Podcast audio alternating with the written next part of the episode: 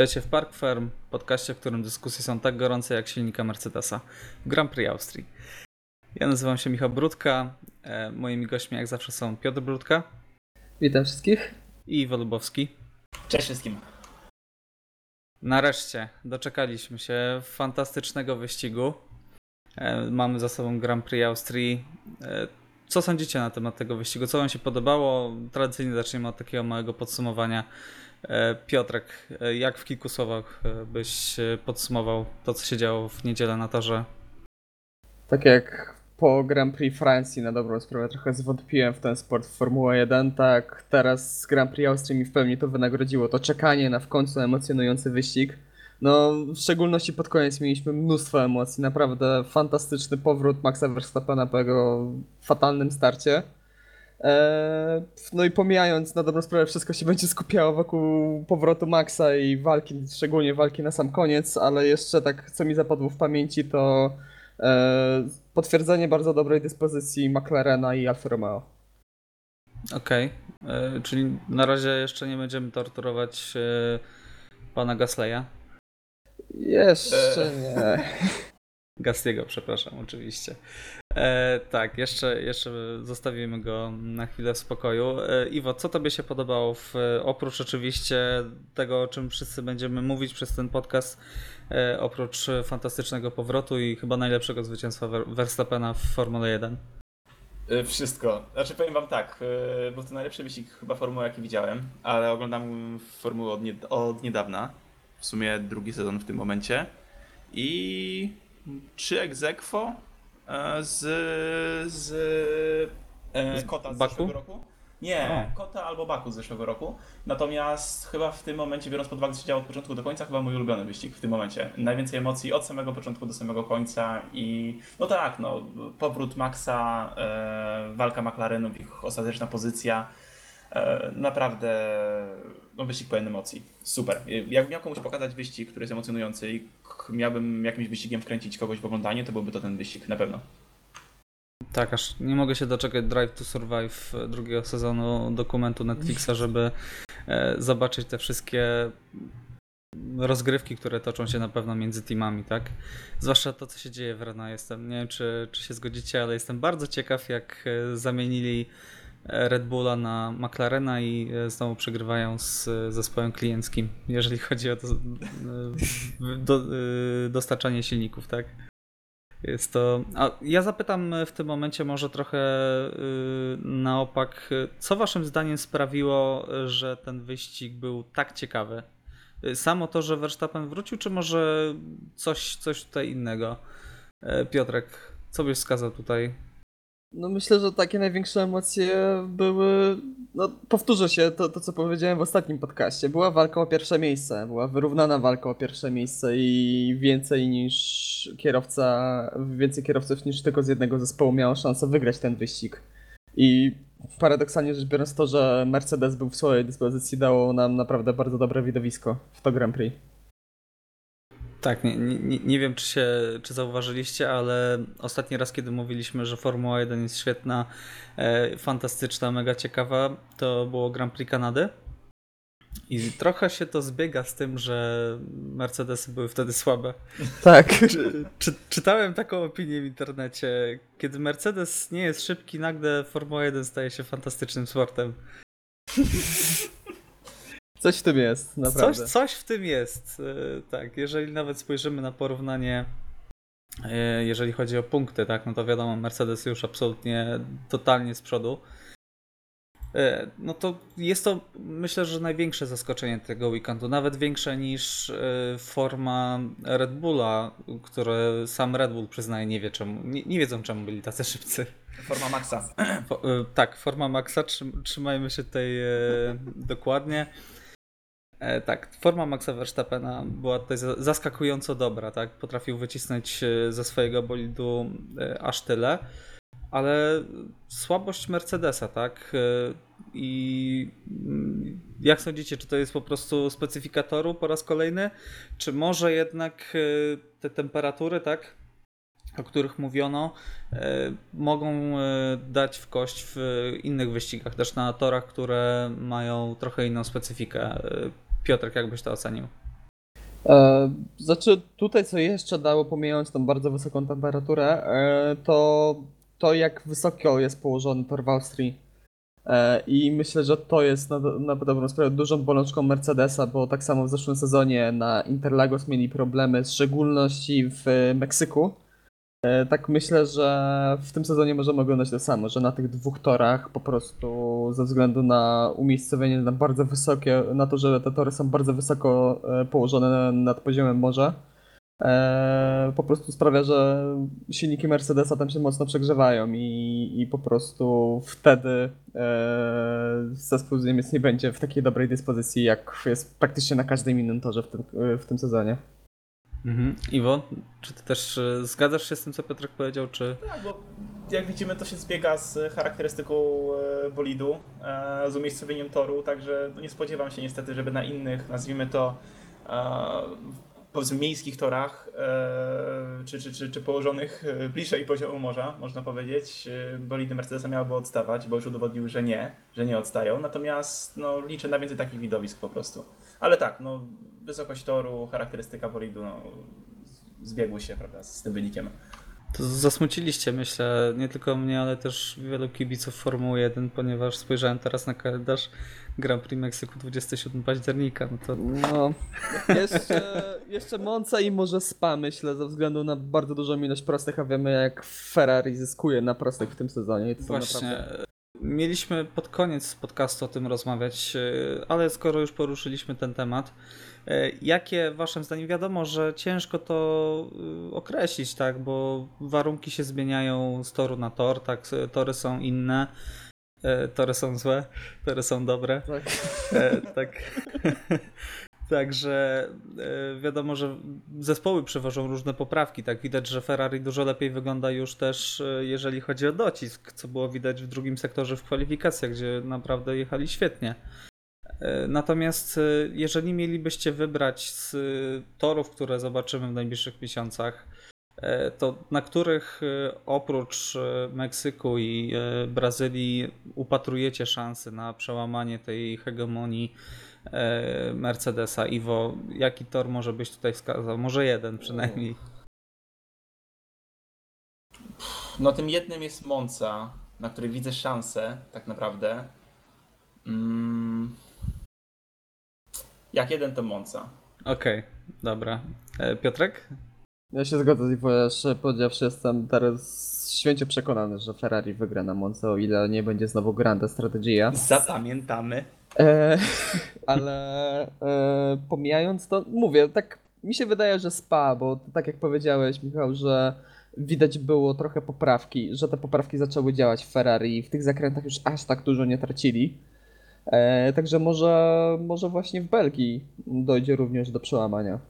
Okej, ja stawiam, że będzie przełamanie jeszcze bliżej e, Niemcy. To też jest bardzo szybki tor, na którym Ferrari już rok temu było bardzo szybkie. E, Jest tam bardzo dużo prostych e, i myślę, że też tam Ferrari może odegrać e, dużą rolę, jeżeli oczywiście nie będzie padać tak. Wszyscy pamiętamy, co się stało rok temu. Tak. Może nie będziemy. Sebowi wypominać, bo z tego co się orientuję, chyba dzisiaj ma urodziny, także O, tak. tak, wszystkiego najlepszego Seb.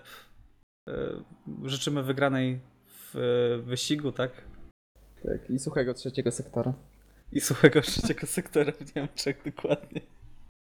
Dobrze, to może przejdźmy, e, wróćmy do tego, co się działo e, na torze e, podczas Grand Prix Austrii. I pytanie, które tutaj zadawało, zadawali sobie praktycznie wszyscy i też musimy wam przyznać, że wśród naszych znajomych oglądających była bardzo gorąca dyskusja na ten temat. Manewr wyprzedzenia Verstappena, przepraszam, manewr wyprzedzenia Leclerca przez Verstappena, e, żeby być tutaj dokładnym. Jak sądzicie, e, czy było waszym zdaniem, czy zgadzacie się z sędziami, że był to e, incydent wyścigowy, czy waszym zdaniem może Max Verstappen zasługiwał na 5-sekundową karę, a może nawet wyższą? Jakie jest wasze zdanie? Tylko mam nadzieję, że podejmiecie decyzję szybciej niż przez najbliższe 3 godziny, e, że będziecie szybsi trochę od, e, od sędziów. Piotrek, jak, jak ty na to patrzysz swoim, swoim okiem kibica, e, który ogląda Formułę 1 już od e, ponad dekady? Mm, Ja stoję trochę w rozkroku, szczerze powiedziawszy, bo z jednej strony, biorąc pod uwagę nasze aktualne, e, aktualny regulamin w Formule 1, e, no nie był to, to w sumie zasługiwało na karę, bo nie zostawił w ogóle miejsca Max Verstappen Charlesowi, e, podczas tego manewru. Okrążenie wcześniej na okrążeniu 68 e, przejechali obok siebie, wtedy Max Verstappen zostawił miejsce. E, I wtedy Charles Leclerc wrócił. E, udało mu się wyprzedzić z powrotem Maxa na, na prostej i po prostu widać było, że w, w, na tym okrążeniu Max Verstappen chciał uniemożliwić to Charlesowi ten powrót. No ale z drugiej strony, no. Mieliśmy takie manewry w Formule 1 od, od dawien dawna. Były wcześniej dozwolone. Kiedyś takie rzeczy nie były karane, nawet nie były rozpatrywane. W, aktualnie w różnych innych kategoriach wyścigowych e, takie manewry również są dozwolone. Także to nie są czyste manewry, to nie są takie powiedzmy, powiedziałbym, dżentelmeńskie manewry, ale. Ale to nie powinno być karane. To też nie jest dżentelmeński sport. Aż tak. No, dlatego stoję w rozkroku, no bo jeżeli idziemy konsekwentnie, jeżeli e, Sebastian Vettel był rozpatrywany bardzo rygorystycznie, jeżeli chodzi o e, zasady w trakcie Grand Prix e, Kanady i wtedy dostał karę, to tutaj Max Verstappen też powinien dostać karę. Mimo, że to są zupełnie dwie inne sytuacje, nie można ich tak e, jeden do jednego porównywać, ale tutaj chodzi o konsekwencje sędziów. Dlatego to w sumie budzi takie kontrowersje. Okej, Iwo, jakie jest twoje zdanie na ten temat? Ja jestem, można powiedzieć, tego samego zdania, jakim byłem przy incydencie z Sebastianem Vettelem wcześniej. Wtedy byłem na nie i w tym momencie też jestem na nie, jeżeli chodzi o przyznanie kary. Z tego względu, że Max nie wypchnął Leclerca z toru i to jest dla mnie główny argument za tym, żeby kary nie przyznawać. Aczkolwiek zgadzam się z tym, że nie było to najgrzeczniejszy, to nie był najgrzeczniejszy manewr, manewr wyprzedzania, natomiast gdzieś staram się postawić na tym samym miejscu i zdać sobie sprawę, że było to przedostatnie okrążenie. Eee, nie wiem, czy zachowałbym się inaczej, szczerze mówiąc. Eee, I dla, tak jak wcześniej mówiłem, dla dobra sportu, tak teraz dla mnie, dla dobra sportu, no lepiej mi się oglądało ten wyścig bez dodatkowej frustracji, która wystąpiłaby na ostatnim okrążeniu, kiedy dowiedzielibyśmy się, że jest przyznana kara, tam 5-sekundowa przykładowo. Eee, no, jak dla mnie nie stało się nic strasznego. Ja może to też mówię z tego względu, że kibico, kibicuję i Leclercowi, i Verstappenowi, jeżeli chodzi o ich wyścigi aktualnie. E, natomiast e, no, jestem zadowolony z rezultatu i no, nie uważam, żeby kara miała zostać przyznana. Szczególnie, że z tego co oglądałem, z tych różnych kamer, które, które widziałem, wszyscy chyba to widzieliśmy, no Verstappen nie wypchnął Leclerca z toru. Nie, no, E, wypchnął. Bez nie, przesady. w tym momencie się absolutnie nie, Nie. zgodzę. Incydent miał miejsce na torze i Verstappen dokonał manewru skrętu. A, no faktycznie, no Leclerc nie miał tego miejsca, natomiast no, Verstappen no, nie wypchnął go z toru tak samo jak wypchnął na przykład Bottasa na Monsie, na Monzie e, rok temu. Wtedy faktycznie wjechał mu perfidnie w koło i tak jak też nie byłem fanem tej e, kary, a z tego względu, że no, kibicuję Verstappenowi między innymi, Tak, e, no tam jednak było to bardziej perfidne, no w tym przypadku nie, no nie jest to na pewno dla mnie jednoznaczne. Okej, no to w takim razie ja teraz przedstawię swoje zdanie, które będzie w opozycji do, mm, do twojego, Iwo. E, Z bólem serca, naprawdę z bólem serca, moim zdaniem powinna być tutaj e, przyznana kara. E, Z kilku powodów. E, Po pierwsze, e, podobne incydenty były karane w przeszłości. Wystarczy spojrzeć na incydent w tym samym zakręcie e, Nico Rosberga z Lewisem Hamiltonem w 2016 roku, tak? Wiem, że Rosberg się wtedy to bronił, a nie atakował. Nie, no Nie było podobne. Było dosyć mocno podobne. Szczerze powiedziawszy, na początku też tak patrzyłem, to uznałem, że to nie było tak bardzo podobne, ale w sumie to naprawdę były. Nie, ten sam zakręt, bardzo podobny sposób wypchnięcia rywala poza tor, bo jechał prosto zamiast skręcać. Oczywiście było to bardziej ekstremalne ze strony Nico Rosberga. Natomiast moim zdaniem jest to całkiem podobny manewr. Y, I tutaj przechodzę do głównego punktu. Okrążenie wcześniej wystarczy spojrzeć, co się działo. Kiedy Max Verstappen potrafił, i y, zauważyliśmy to podczas y, oglądania wspólnego, Max Verstappen świetnie potrafił pojechać bardzo ciasno w zakręcie numer 2.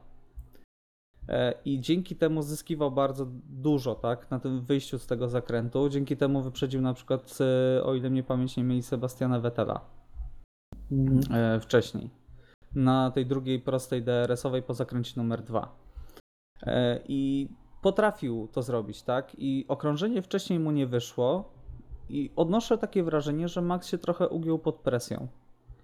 I postanowił, że przyblokuje swojego rywala i zamiast skręcać w prawo do zakrętu, żeby wy, m, wejść w niego bardzo ciasno, to w momencie, w którym już powinien skręcać, on jechał cały czas prosto. I to, je- jeżeli sobie porównacie te nagrania z tych dwóch okrążeń, bo to było okrążenie 68 i okrążenie 69, to zachowanie Verstappena jest zupełnie inne. I na pierwszym okrążeniu zostawił akurat tyle miejsca, ile mógł zostawić e, Leclercowi, i Leclerc wrócił i za, obronił pozycję, tak? I na miejscu Verstappena pewnie pomyślał sobie, dobra, to teraz go trochę przyblokuję, zagram trochę ostrzej i go wyprzedzę, tak? Bo zostały trzy okrążenia do końca wyścigu. Dużo więcej sytuacji nie będę miał, tak? Możliwe, że zaraz opony mi się skończą. Różne myśli przychodzą do głowy, tak? To jest ułamek sekundy, nie oszukujmy się e, podczas walki. Natomiast moim zdaniem Max przesadził w tym momencie. E, Leclerc e, byli praktycznie na tej samej wysokości i Leclerc nie miał tego miejsca. Nie, miał, nie mógł e, pojechać, nie wiem, e, od prawej strony Verstappena, tak? E, On musiał jechać po, po lewej stronie Verstappena i tylko, że tam tego miejsca nie było i nawet Leclerc zderzył się z Verstappenem, był kontakt, bo Leclerc był święcie przekonany, że to miejsce zostanie mu zostawione. A Max po prostu jechał prosto zamiast odbić w prawo albo po prostu przejechać ciaśniej ten zakręt wcześniej. To była bezpośrednia konsekwencja tego. Także nie dał w tym momencie Max żadnych szans y, obrony Leclercowi y, swoim zachowaniem. Po prostu. I moim zdaniem y, wypchnięcie z toru można zacytować słynne słowa Fernando Alonso: All the time you have to leave the space, tak? Zawsze musisz zostawić miejsce. E, No tak są skonstruowane przepisy, tak? Ja, ja absolutnie nie jestem fanem, nie uważam, że Leclerc powinien wygrać, bo myślę, że gdyby Verstappen pojechał tak jak na poprzednim okrążeniu, to na tym albo następnym okrążeniu by tego Leclerca wyprzedził, znalazłby sposób. Po prostu bo był dużo szybszy. I Leclerc by nie obronił tego zwycięstwa. I jest mi naprawdę przykro, że kolejny wyścig musi się kończyć tak, że jest wielka kontrowersja i y, gdyby została przyznana ta kara, bo moim zdaniem powinna zostać przyznana, no to na miejscu Leclerca bym się kiepsko czuł, tak? Pierwsza wygrana w karierze przyznana y, nie na podium, przyznana przy zielonym stoliku, tak? Przy stoliku Trzy sędziowskim. Trzy godziny po. No to taka gorzka bardzo wygrana byłaby. I nie chciałbym po prostu takiej sytuacji, tak? I moim zdaniem Verstappen tutaj e, Verstappen tutaj po prostu przesadził, tak? Zagotował się trochę. To moim zdaniem to był taki trochę Max z poprzedniego sezonu, e, gdzie popełniał błędy i moim zdaniem to był błąd po prostu. A to, że przepisy są skonstruowane tak, a nie inaczej, no to też e, za chwilę będziemy o tym rozmawiać, bo to też jest jeden punkt, z- jeden z punktów naszego podcastu, w jaki sposób powinno wyglądać sędziowanie w Formule 1. E, No ale moim, moim zdaniem e, strasznie długi monolog mi wyszedł. Moim zdaniem tutaj Verstappen przesadził, tak? Po prostu. I zasługiwał na karę. I e, mimo tego, że zasłużył na to zwycięstwo, to, to nie powinien zwyciężyć w tym wyścigu. No, paradoksalna sytuacja. No przynajmniej wiem, że możemy zgodzić się z tym, że kolejne zwycięstwo chcemy zobaczyć bez kontrowersji. Tak, No tak. To, to jest w sumie smutne w, trochę w tym sezonie, że drugi raz nie wygrywa Mercedes i drugi raz czekamy na decyzję, albo, decyzję, albo to zwycięstwo jest w, strasznych kontrowersjach. A nie, przepraszam. Pierwszy, Pierwszy, raz. pierwszy raz nie wygrałem. tak. Drugi raz e, Mercedes nie dojechał do mety jako pierwszy. tak to można określić. Tak, także no to od razu przejdźmy. Myślę, że tutaj już nie będziemy się strasznie spierać w tej kwestii. Jest to o tyle kontrowersyjna kwestia, że nawet e, nawet Nico Rosberg, o którym wspominałem, powiedział, że to jest bardzo ciężki incydent do ocenienia, ale jego zdaniem też powinna e, zostać przyznana kara Verstappenowi. E, Mario Andretti bardzo fajnie na Twitterze napisał, że jest świetne rozwiązanie tej sytuacji. Nie dawać kary Verstappenowi i cofnąć karę Vettelowi. Dokładnie tak. Mhm. I większość ludzi byłaby zadowolona. Vettel by dostał swoje, swoją wygraną na urodziny, a, a Verstappen by też dostał swoją wygraną, tak?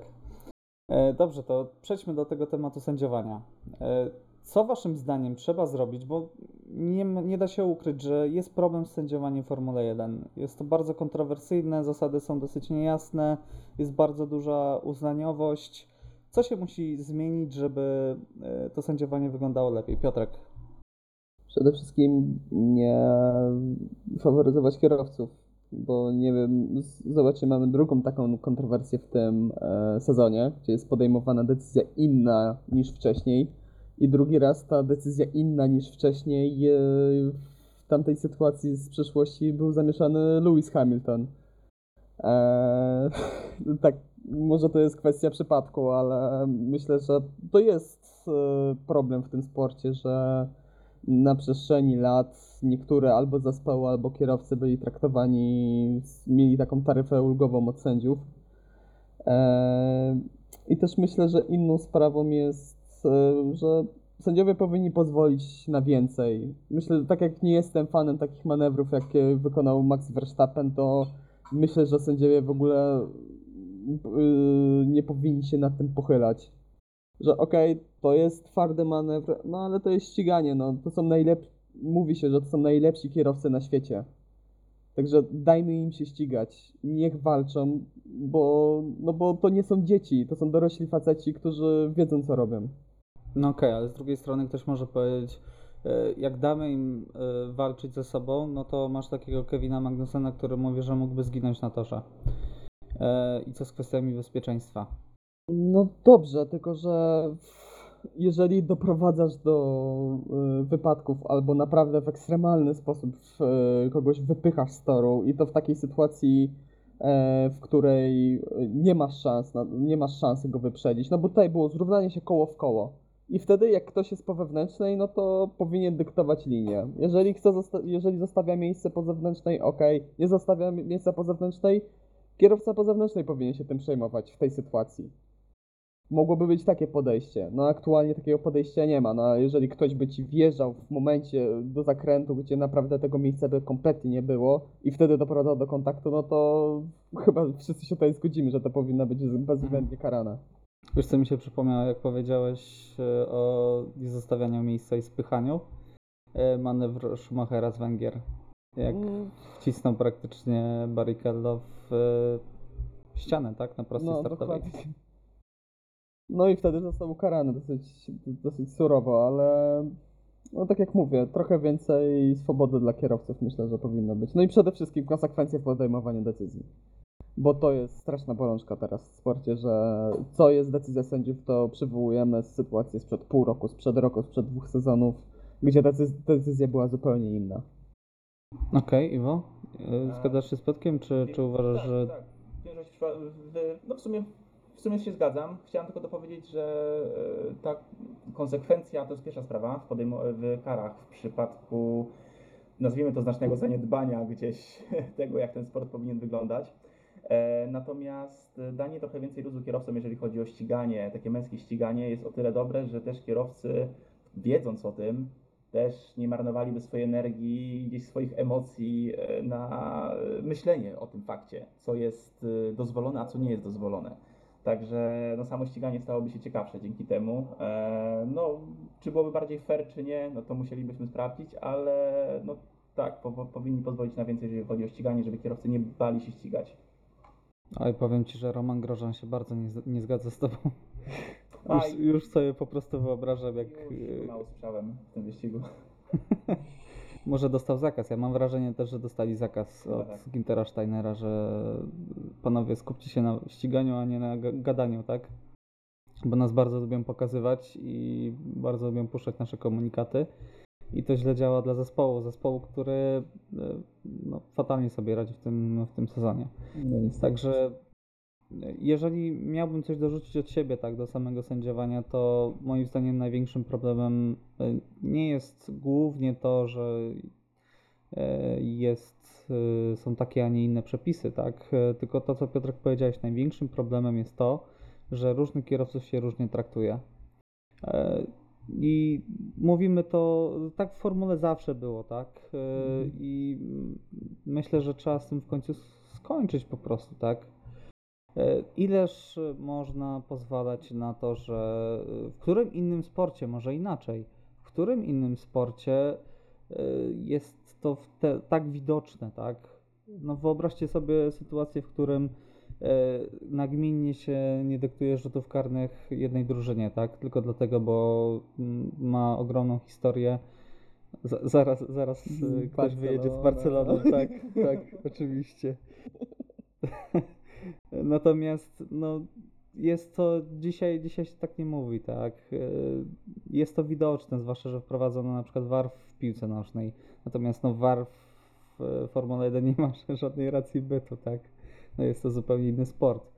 Natomiast no, musi się zmienić. Nie może być tak, że po prostu jeden kierowca tylko dlatego, że ma strasznie dużo followersów na Instagramie i e, ogromne koncerny medialne za sobą, Hamilton, e, jest po prostu inaczej traktowany, tak? Jeżeli jest kierow... w momencie, w którym jest pokazywany dany incydent, e, nie powinno mieć znaczenia, jaki numer znajduje się na bolidzie. Po prostu. Dokładnie. I myślę, że to już rozwiązałoby większość problemów, bo to, czy w danym zakręcie ktoś kogoś bardziej wypchnął, czy nie, no to jest to sprawa uznaniowa, tak? I, i wiadomo, no, trzeba zbadać wiele rzeczy, tak? Sędziowie również badają telemetrię, e, onboardy, czy w jaki sposób się zachował, tak? Jaki, e, jak e, bardzo tutaj, co mógł zrobić, tak? W danej sytuacji kierowca. Ale no, zacznijmy od tego, żeby wszyscy kierowcy byli traktowani tak samo. Chociaż myślę, że jeszcze tak pozwolę sobie wtrącić, że też e, problemem trochę w tym sezonie jest to, jak szybko są podejmowane te decyzje. Bo też e, irytacji w, po tym wyścigu dołożyło to, że e, finalną decyzję na dobrą sprawę zwycięzcę wyścigu poznaliśmy ile? 2-3 godziny po zakończeniu Grand Prix? Mniej więcej 3 No, godziny. około to było. 3 godzin, tak, około godziny Dokładnie. 19-20 była znana, znany werdykt sędziowski, tak?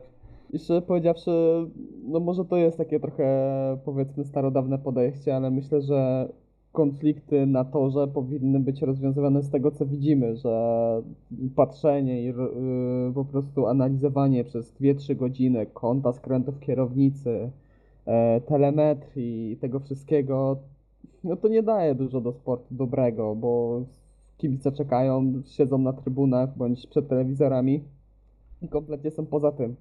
I się zastanawiają, właśnie- o co chodzi. My, my oglądamy już piąty czy szósty raz tą samą powtórkę, na dobrą spra- sprawę mamy wyrobione zdanie. Oczywiście, że to są sędziowie, oni powinni podejść do tego e, o wiele bardziej profesjonalnie, e, ale no te decyzje powinny być pod- podejmowane trochę szybciej, moim zdaniem. Może wołtowanie jak na kierowców dnia, co? Nie. Nie, nie, absolutnie nie. Może Max jeszcze DRS wprowadzimy, tak? Dla kierowców, którzy są najbardziej popularni. W Formule? Tak, No. dokładnie. E, Znaczy, ja mam propozycję, może, może jest to trochę dziwne, ale y, ja nie miałbym nic przeciwko, gdyby na przykład takie spotkanie sędziowskie, y, które jest również z kierowcami, było transmitowane na YouTubie na przykład Formuły 1 i żeby to nagranie z tego spotkania było ogólnie dostępne. W ramach transparentności zespołu sędziowskiego. Żebyśmy poznali nie tylko notkę, która jest po prostu werdyktem, tak? Ale to, jakie, arg- jakich argumentów użyto, e, jakich argumentów użyli kierowcy z jednej strony, z drugiej strony, bo zarówno Verstappen, jak i e, e, Leclerc zostali wezwani do sędziów. I oni składali swoje wyjaśnienia.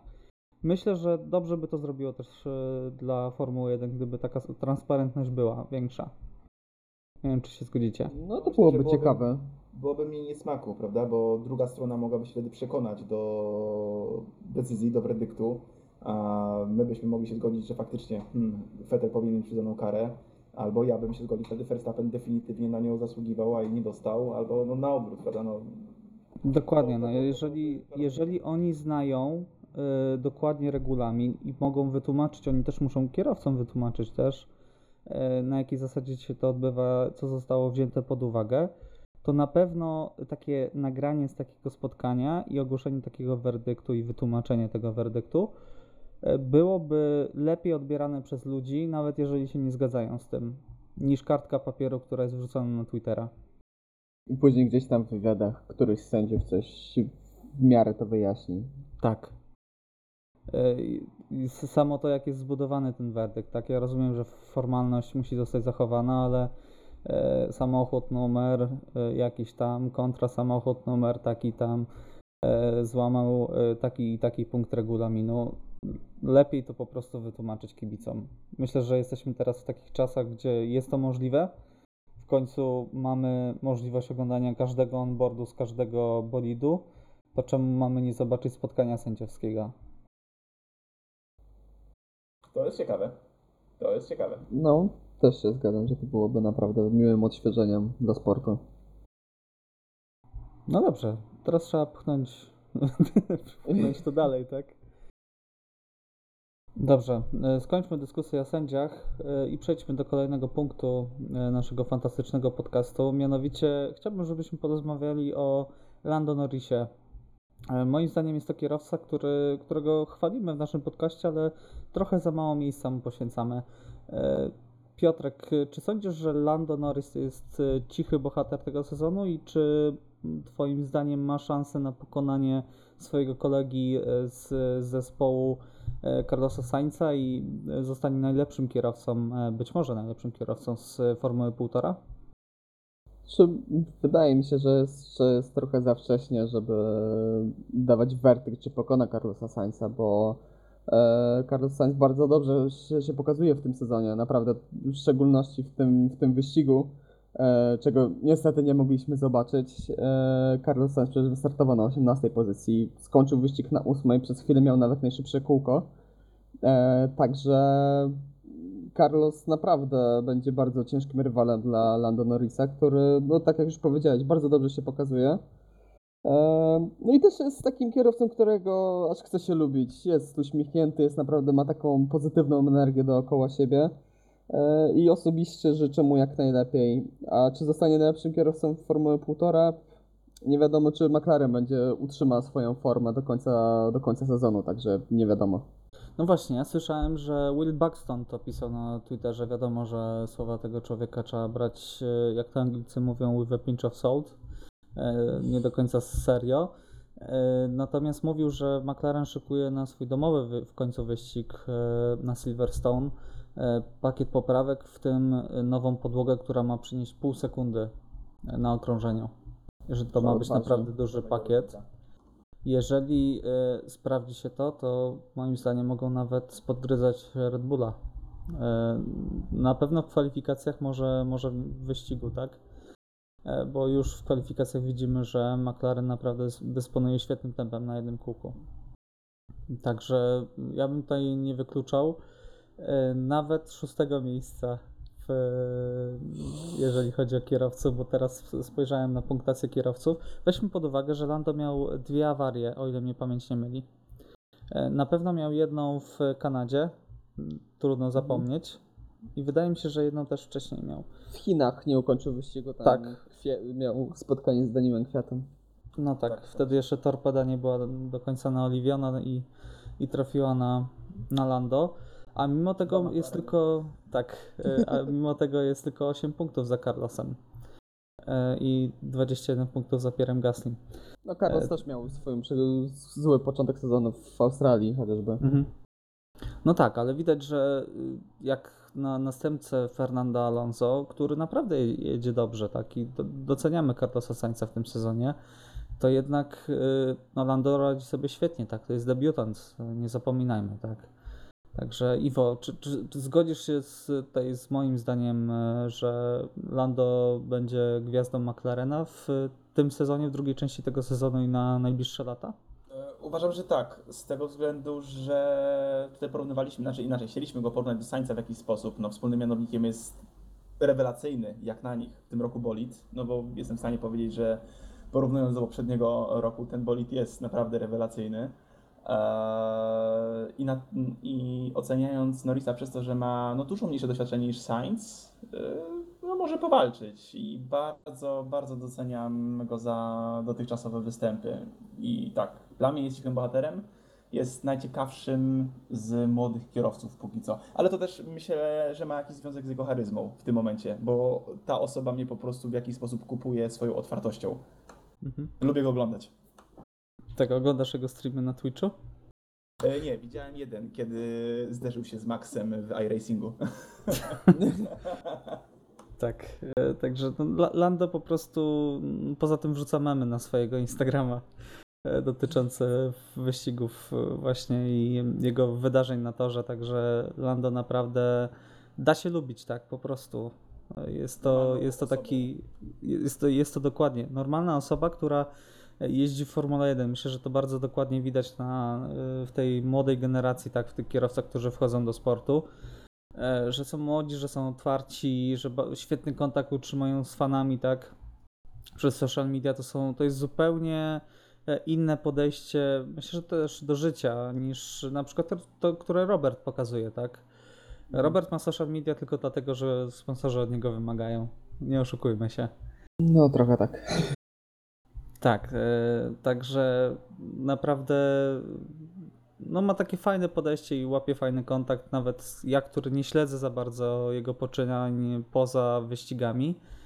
E, No, lubię go po prostu no, i trzymam kciuki, żeby sobie jak najlepiej radził.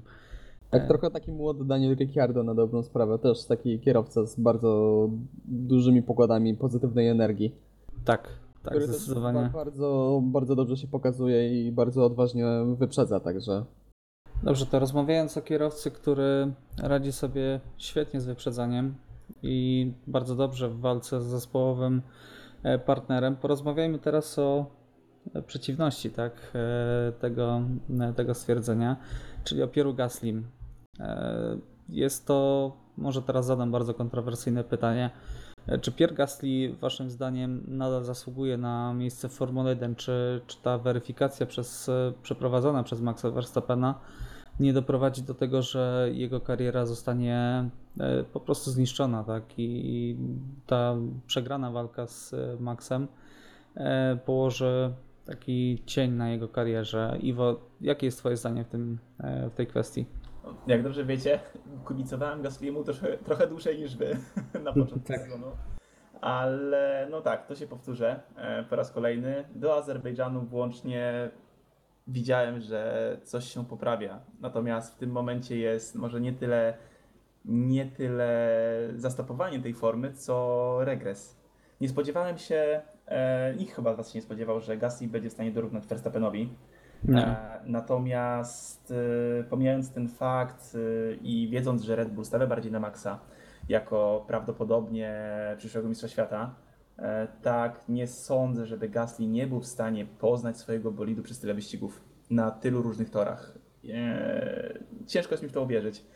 Nie wiem, czy byłbym aż tak, e, aż tak podchodził do skrajnego podejścia jak e, odsunięcie Gasly'ego z Formuły 1, e, czy raczej cofnięcie do Toro Rosso.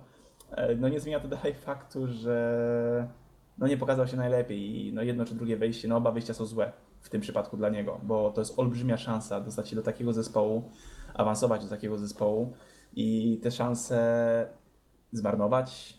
Pytanie, czy faktycznie jest to problem z nim, czy. No mówię, ciężko mi wierzyć, żeby to był problem z bolidem. Naprawdę. Jest to jednak Red Bull, mimo wszystko. Mimo, że nie ma tej formy co rok temu. Tak, no Red Bull w przeciwieństwie, bo mogą się pojawić głosy ludzi, którzy mówią, że no dobrze, mówicie, że e, różnice w Williamsie są widoczne, tak? No to czemu zwalacie winę na Gasly'ego? Red Bull o coś walczy.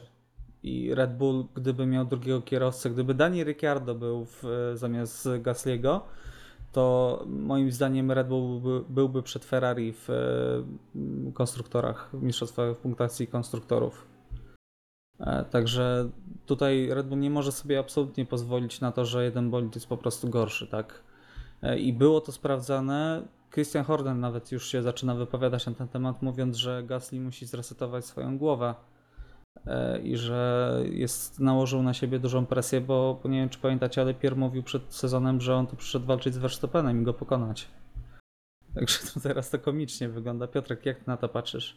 Znaczy no, Trochę tak jak już zacząłeś mówić, wydaje mi się, że po prostu z Gaslinem jest trochę problem w głowie. No bo przecież rok temu się naprawdę dobrze pokazywał. No, początek sezonu miał fantastyczny ten wyścig w Bahrajnie, gdzie zajął czwarte miejsce, naprawdę. E, czapki z głów wtedy, ale w tym sezonie trochę tak jak też Iwo zacząłeś, że wydaje się jakby było trochę coraz gorzej albo taka totalna stagnacja. Ja myślę, że w aktualnym, tak jak to wygląda teraz, no pi- mm, dla Gasly'ego nie ma miejsca w Red Bullu. Nie w tak wysokim, nie w tak dobrym zespole, jakim jest Red Bull Racing, niestety. Ale myślę, jakby wrócił do Toro Rosso, to może jeszcze zdołałby się odbudować mentalnie. Bo mi się wydaje, że na, do, na dobrą sprawę teraz już wpadł w taki błędny krąg, gdzie po prostu pró- tak jakby trochę próbował, gdzie próbuje bardzo dużo, bardzo dużo, bardzo chce, a wychodzi na dobrą sprawę, że jest coraz gorzej. Okej, no ma takiego- ja tutaj, ja tutaj przytoczę, pozwolę sobie przytoczyć wypowiedź Gastiego po tym wyścigu, y, oczywiście nie całą. E, powiedział, naprawdę jestem konkurencyjny, ale mam robotę do wykonania. Nie znalazłem jeszcze tego, co dokładnie oczekuję od bolidu, więc będę dalej cisnął. Dobrze jest widzieć jednak, że auto dobrze pracuje i mamy dobry kierunek na kolejne wyścigi. Mam wiele do nauki. Chcę dostarczać lepsze wyniki i wiem, że stać mnie na to. Musimy nad tym pracować. Taka No. odpowiedź, taki brak odpowiedzi na Tak, sprawę. dokładnie. Na to chciałem zwrócić uwagę, że on mówi, że jest konkurencyjny i jednocześnie, że ma bardzo dużo do nauki i ma robotę do wykonania. No, Pier się pogubił, mam wrażenie, i to przykro na to patrzeć, bo mm, no, jest to sympatyczny człowiek, tak, którego naprawdę nie, miał łatwo, tak, nie stał za nim jakiś e, nie wiadomo jaki koncern, tak, e, bogaty ojciec, który mu po prostu wykupił miejsce w bolidzie. Pozdrawiamy Lance, Lance Strolla. E, tak, e, natomiast no, nie ma dla niego miejsca w Red Bullu na ten moment. Po prostu, no, Formuła 1 jest czasami brutalna. Natomiast e, biorąc pod uwagę, że kierowcy e, konstruując to pytanie, myślałem o tym, że kierowcy Toro Rosso wykonują no, naprawdę dobrą robotę. E, I ciężko by było po prostu wyrzucać kogoś z e, tego miejsca, zwłaszcza jeżeli weźmiemy pod uwagę, że na rynku będzie prawdopodobnie dostępny Nico Hulkenberg, który moim zdaniem byłby świetnym naprawdę partnerem do Verstappena, No, Hulkenberg by naprawdę idealnie pasował. który po, po, pokazuje w tym sezonie, że nie odstaje bardzo od e, Ricciardo, który przecież jeździł pra, pra, prawie na równi z Maxem Verstappenem. I ma też już swoje lata, więc doskonale wie, że nie będzie nie wiadomo. Nie wiadomo, może nie, nie, nie, nie, nie, a, ale się zaciąłem w tym momencie. Nie, nie wiadomo kim. E, Natomiast no, będzie znał swoje miejsce, tak, w szeregu. Nie będzie starał się rządzić całym zespołem. Także pod tym kątem bardziej myślałem, że kierowcy Toro Rosso wykonują świetną robotę w tym momencie i gdzie w takim razie miejsce dla Gassiego?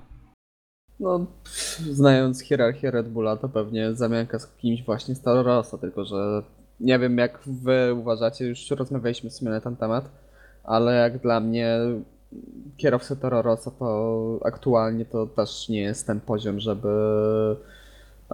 żeby chociaż spróbować dorównać Maxowi Verstappenowi, bo żeby go pobić, no to nie ma tutaj żadnych dyskusji, to nie jest ten poziom na razie.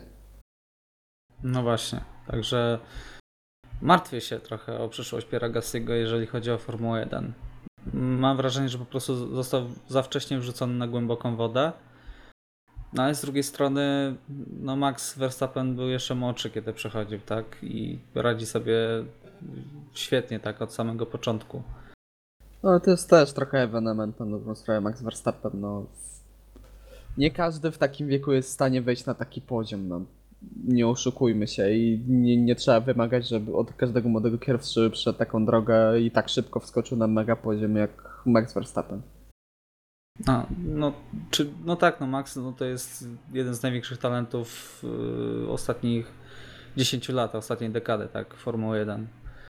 I nie każdy, nie każdy ma po prostu taką iskrę bożą, tak, jak to niektórzy mawiają, e, żeby jeździć na takim poziomie od samego początku.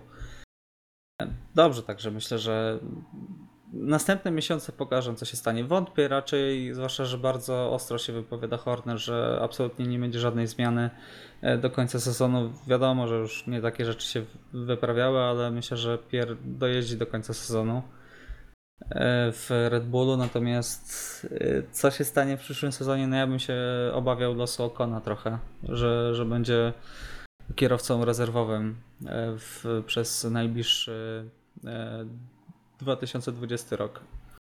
E, dobrze, myślę, że tutaj wyczerpaliśmy. Chyba, że chcecie coś jeszcze dodać oczywiście, no to, mm, to słucham, czy, czy macie jeszcze jakieś słowo do, do dodania na sam koniec.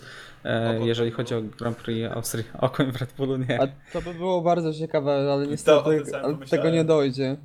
Bo w sumie no, Esteban Ocon jest wolny, teoretycznie rzecz biorąc. No nie jest wolny, jest związany z Nie Mercedesem. no, doskonale, doskonale to rozumiem, ale szczerze powiedziawszy, myślę, że na dobrą sprawę w aktualnej sytuacji dla Red Bulla to byłby wymarzona, wymarzona propozycja.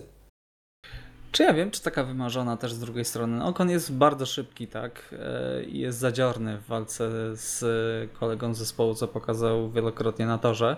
Lubi się z Maxem. Okej, no, no, nie no dobra, to to wszystko zmienia. Nie, oczywiście, no to się już, z Maxem. no dokładnie.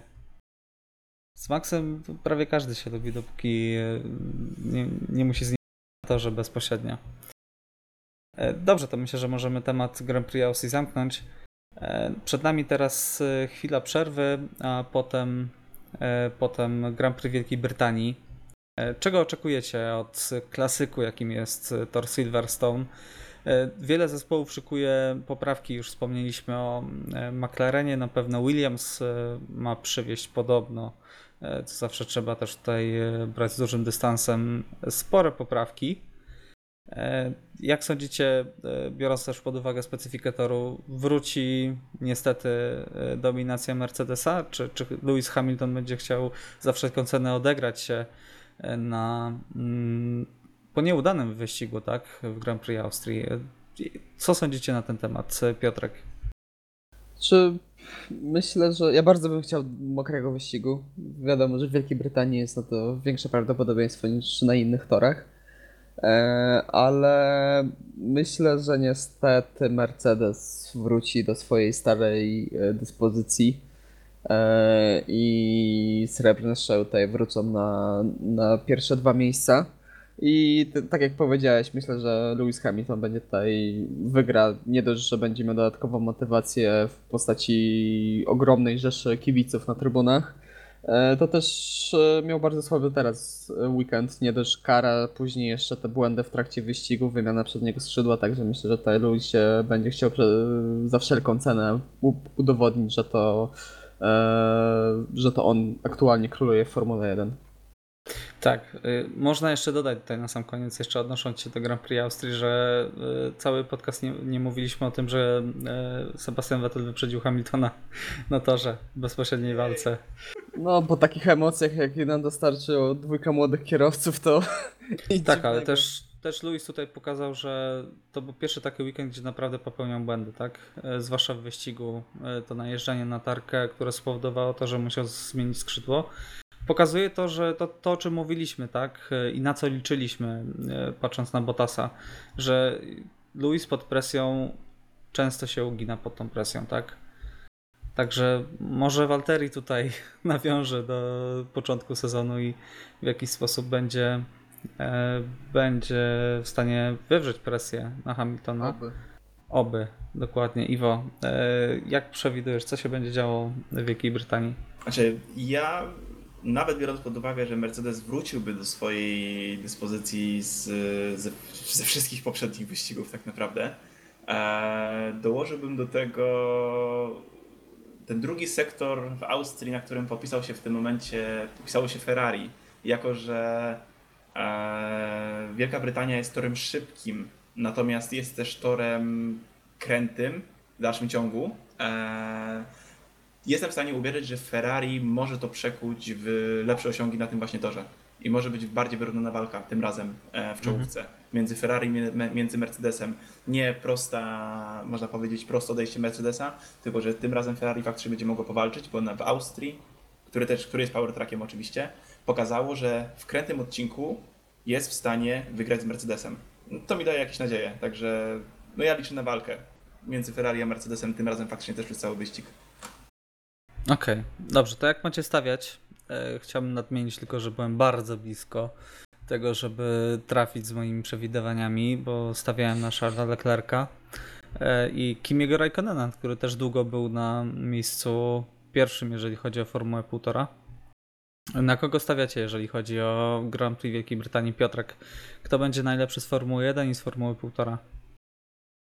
To ja zaryzykuję w tym tygodniu. Leclerc. Eee, Do trzech razy sztukę? Tak, tak. Myślę, że jeżeli Ferrari, serio, no bo tak teraz pomyślałem, że w sumie y, w Bahrajnie też sobie Ferrari bardzo dobrze radziło. Tam też było, w Bahrajnie mamy dużo dosyć szybkich łuków, takich szybkich zakrętów, także z tą poprawioną aerodynamiką, z tym poprawionym dociskiem, czemu nie? Może zagrożą y, poważniej Mercedesowi. A z Formuły 1,5 myślę, że Carlos Sainz. Okej, Iwo? Uuu. Powie... Jeszcze tydzień temu powiedziałbym, że Vettel, e, natomiast e, Leclerc zdecydowanie bardziej dawał radę i w tym momencie też bym postawił na Leclerca. Naprawdę, raz, że chciałbym, dwa, że wierzę. Okej, dobra. A Formuła 1,5? Mm, zaryzykuję, chociaż nie wiem, czy to jest aż tak potężne ryzyko, że Norris. To też jest w Okej. sumie jego domowy tor, domowy wyścig i gdzieś tam może być dodatkowa motywacja, także jestem bardzo ciekaw, ale stawiałbym na Norrisa. Okej, to w takim razie y, ja, y, jako że to jest wyścig Wielkiej Brytanii, stawiam na brytyjski duet Lewis Hamilton i Lando Norris. Także do, dosyć bezpiecznie w tym tygodniu. E, Poparzyłem się ostatnim razem, także nie będę ryzykować e, kolejnych, e, ko- kolejnej obrazy mojej dumy, także w, ty, w tym, tym razem pójdę dosyć bezpiecznym tropem. Dobrze, myślę, że to wszystko z naszej strony. Dziękujemy bardzo, jeżeli dotrwaliście do tego momentu. Naszego podcastu oczywiście możecie słuchać na wszystkich platformach e, e, streamingowych, na Google Podcast, e, Apple Podcast i na Spotify. I zapraszamy na następny odcinek, tak, który będzie już po Grand Prix Wielkiej Brytanii. Moimi gośćmi, jak zawsze, byli Piotr Brudka, Dziękuję bardzo. Iwo Lubowski Dzięki, trzymajcie się. i ja też dziękuję, Michał Brudka. Do usłyszenia, trzymajcie się.